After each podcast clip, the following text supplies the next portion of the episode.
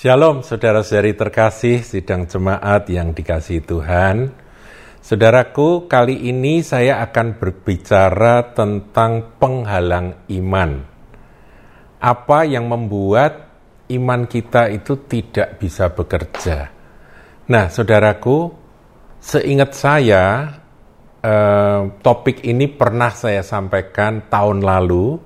Jadi daripada Anda mencari-cari akan uh, suara gembala tahun lalu, mari kita refresh, mari kita segarkan kembali akan pelajaran ini karena ketika kita harus mempraktekkan iman, baik itu doa iman atau kata-kata iman, kita butuh pengertian ini, Saudara. Ya, jadi kita akan belajar. Mari kita lihat Matius 17 ayatnya yang mulai ke 14, saudara. Kita akan lihat latar belakangnya, kemudian nanti poinnya apa kita akan pelajari. Yesus menyembuhkan seorang anak muda yang sakit ayan. Ketika Yesus dan murid-muridnya kembali kepada orang banyak itu, datanglah seorang mendapatkan Yesus dan menyembah. Katanya, Tuhan, kasihanilah anakku ia sakit ayan dan sangat menderita. Ia sering jatuh ke dalam api dan juga sering ke dalam air. Aku sudah membawanya kepada murid-muridmu, tetapi mereka tidak dapat menyembuhkannya. Ayat 17, perhatikan. Maka kata Yesus, Hai kamu angkatan yang tidak percaya dan yang sesat, Berapa lama lagi aku harus tinggal di antara kamu? Berapa lama lagi aku harus sabar terhadap kamu? Bawalah anak itu kemari. Ayat 18, dengan keras Yesus menegur dia dan keluarlah setan itu daripadanya dan anak itu pun sembuh seketika itu juga. Jadi langsung. Ya, Tuhan Yesus mendemonstrasikan ngusir setan yang bikin anak itu menderita sakit ayan. Ayat 19. Nah, saudaraku kita lihat. Kemudian murid-murid Yesus datang dan ketika mereka sendirian dengan dia, jadi sudah sepi, sudah nggak ada orang lain, hanya Yesus dan murid-murid, bertanyalah mereka, mengapa kami tidak dapat mengusir setan itu? Jadi mereka sudah berusaha loh, saudaraku. Ya, jadi tiga murid diajak Tuhan naik ke gunung yang tinggi, Tuhan Yesus dipermuliakan. Ini sisanya ada sembilan murid, saudara. Dan mereka sudah berjuang, berusaha mati-matian ngusir setan itu seperti ya tentunya dengan cara-cara, metode, dan doa-doa yang Tuhan Yesus sudah ajarkan pada mereka. Dan pada waktu itu mereka gagal. Ya tentunya saudara mereka terkejut ketika dilapori oleh ayah dari anak tersebut. E, berkata Tuhan anakku ini sakit menderita begini begini begini. Aku sudah membawa kepada murid-muridmu tetapi mereka tidak dapat menyembuhkannya. Nah reaksi Tuhan Tuhan berkata Hai kamu angkatan yang tidak percaya dan yang sesat. Loh, sudah tidak percaya sesat lagi Berapa lama lagi aku harus tinggal di antara kamu? Berapa lama lagi aku harus sabar terhadap kamu? Bawalah anak itu kembali kemudian langsung diusir setannya, langsung anak itu sembuh.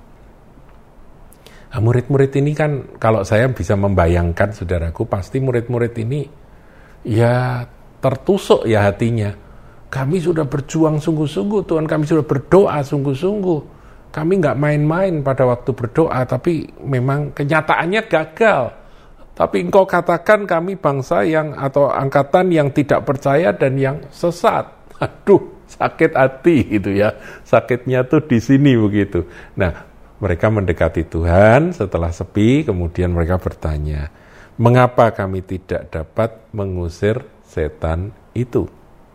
Nah, Saudara ayat 20. Iya, Yesus berkata kepada mereka, "Karena kamu kurang percaya. Berhenti sampai di sini. terjemahan dari LAI, Lembaga Alkitab Indonesia, karena kamu kurang percaya. Betul ya saudara ya, di sini tertulis begitu. Nah, saya coba teliti terjemahan dari eh, versi King James, dikatakan because of your unbelief. Karena ketidakpercayaanmu. Itu terjemahan bahasa Inggris, versi King James Version. Nah, kemudian kalau kita lihat dalam bahasa Yunani dipakai istilah apistia. Nah, apistia itu ya unbelief, ketidakpercayaan. Jadi, ayo kita eh, apa itu pakai pengertian ini, saudaraku ya. Jadi saya rubah apa yang tertulis dalam Alkitab Indonesia. Karena kamu kurang percaya kita ganti dengan karena ketidakpercayaanmu. Begitu ya. Kemudian Tuhan Yesus melanjutkan sebab aku berkata kepadamu sesungguhnya sekiranya kamu mempunyai iman sebesar biji sesawi saja kamu dapat berkata kepada gunung ini pindah dari tempat ini ke sana maka gunung ini akan pindah maka gunung ini akan pindah dan takkan ada yang mustahil bagimu. Nah ini aneh saudara. Tuhan berkata kamu gagal karena ketidakpercayaanmu. Padahal kalau kamu punya iman sebesar biji sesawi saja. Nah saudara tahu ya biji sesawi adalah biji ya kami pada waktu pergi ke Yerusalem kami sempat bawa itu ya satu botol itu biji sesawi yang dijual di sana satu dolar. Itu biji itu lembut sekali saudaraku. Kecil sekali. Satu biji sesawi itu kalau ditaruh di Alkitab ini kita kalau lihat gitu ya seperti satu biji kecil satu titik kecil kalau kita nggak hati-hati itu kena hembusan apa saja kabur hilang saudaraku. Jadi sangat kecil dan lembut sekali. Itu biji sawi saudaraku. Ya. Mungkin apa ya seperti pasir gitu loh saudara. Pasir yang agak besar besar sedikit gitu ya. Ya. Itu biji sesawi. Kecil kecil sekali. Nah Tuhan pakai itu untuk menjelaskan bahwa iman itu asal kamu punya satu titik iman itu saja kamu bisa memindahkan gunung itu yang Tuhan maksudkan murid-murid apa enggak semakin bingung saudara Hah? kok iman kecil saja bisa memindahkan gunung. Itu kan bikin bingung. Nah, kita lihat saudaraku bandingannya dalam uh, Lukas 17. Nah, ini menarik saudaraku. Lukas 17 mencatat akan kalimat semacam ini di ayat 5. Kita lihat ayat 5 ya. Lalu kata rasul-rasul itu kepada Tuhan, ini murid-murid Tuhan bicara pada Tuhan Yesus, tambahkanlah iman kami. Nah, saudara, kalau minta tambah, itu berarti sudah punya atau belum punya? Ayo, menurut Anda bagaimana? Sudah punya kan? Sudah punya, tapi merasa kurang, betul ya? Tambahkanlah iman kami ya Tuhan. Nah, sekarang jawaban Tuhan ayat 6. Nanti kita lihat bahwa jawaban ini paralel dengan eh, kata-kata uh, Tuhan tadi di dalam Matius 17. Kita lihat ya.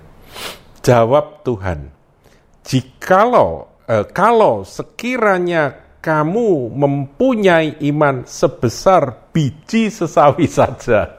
Jadi di sini Tuhan tetap pakai biji sesawi yaitu benda terkecil yang bisa di, disebut gitu ya.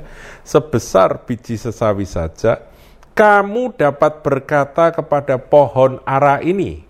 Jadi kalau di Matius itu gunung, ini pas di depan Tuhan ada pohon ara, langsung Tuhan bilang pohon ara ini terbantunlah engkau, tercabutlah engkau, dan tertanamlah di dalam laut, dan ia akan taat kepadamu. Ya, saudaraku, tentunya ini uh, bukan arti harafiah di mana saudara mempraktekkan iman, perkataan iman itu kepada pohon mangga, pohon pisang itu enggak, saudaraku. Ini maksudnya sesuatu yang mustahil, sesuatu yang enggak mungkin akan terjadi. Ketika kita punya iman sebesar biji sesawi. Nah, padahal tadi di atas ayat 5, murid-muridnya minta tambahan iman. Jadi minta itu kan berarti kan sudah punya, tapi merasa kurang. Tapi Tuhan bilang, kalau kamu punya iman sebesar atau istilah saya sekecil, sekecil biji sesawi saja, kamu dapat berkata kepada pohon ara itu tercabutlah dan tertanam ke dasar laut. Dan itu akan terjadi. Nah, terus gimana saudara? Maksud Tuhan itu apa sih dengan jawaban itu? Maksudnya apa? Saudara bisa merenungkan. Nah, begini saudaraku ya. Saya kasih ilustrasi.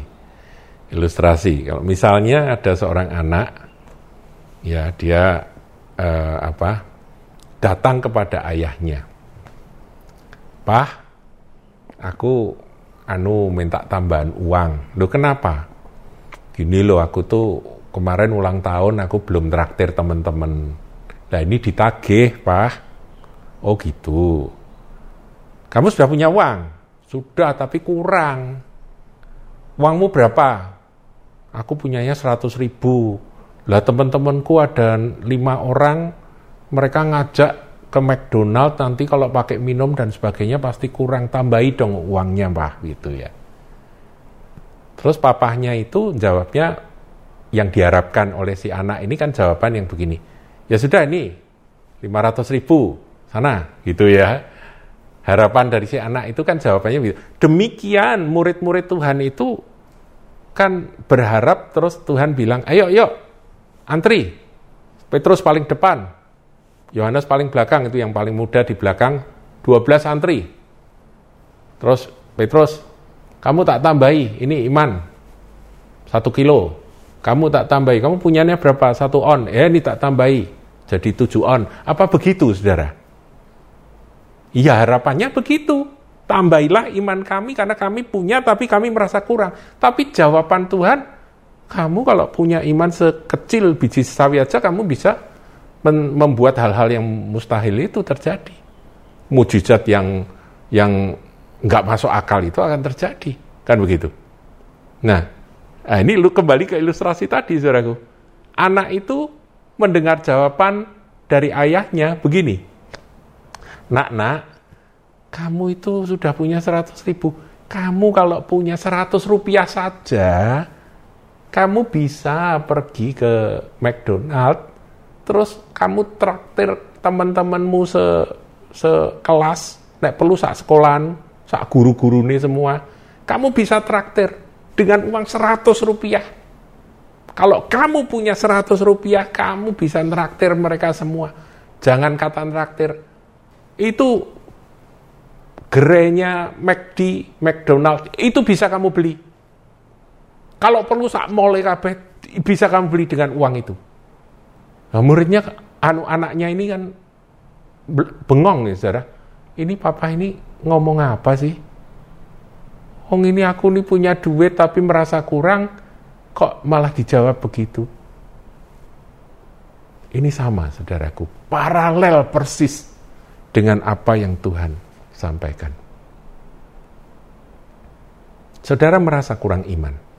Jawabannya kembali ke Matius 17 tadi.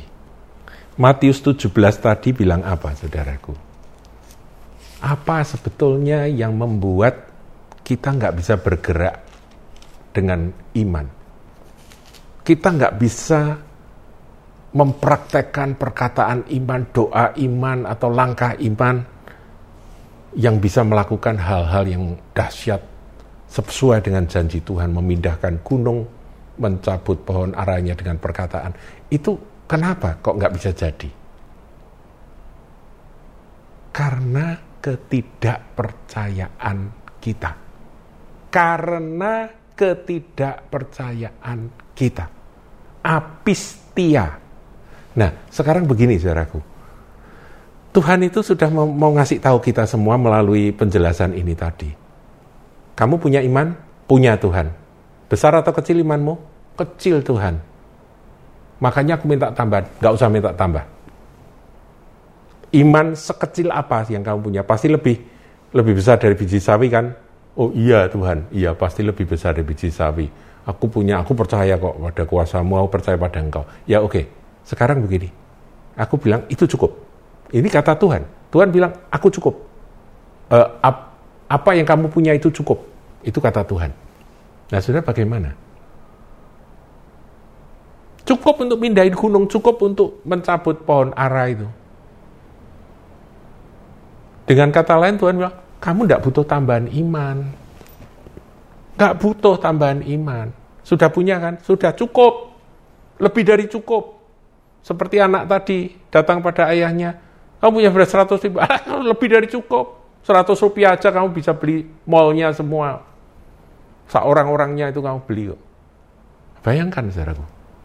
Pengertiannya seperti itu. Dari pelajaran yang saya renungkan ini pengertiannya seperti itu. Nah, saya berharap saudara, apistia inilah problem kita. Jadi apistia itu seperti beban. Kita ini punya motor. Motormu itu sudah cukup kuat untuk berjalan ke sana tetapi motormu itu diganduli dengan beban yang berat sehingga nggak kuat untuk berjalan menuju ke sana. Apa itu? Yang ganduli itu ketidakpercayaan. Jadi musuh kita cuma apistia, ketidakpercayaan. Nah, kalau kita bisa memutuskan tali-tali yang mengikatkan kita pada ketidakpercayaan itu, maka iman sekecil apa pun itu bisa membuat mujizat sedahsyat apa pun. Itu yang Tuhan mau ajarkan. Dan saya berharap pelajaran ini bisa menjadi bekal yang sudah bisa kembangkan sendiri dalam praktek kehidupan rohani saudara dan saya. Tuhan Yesus memberkati.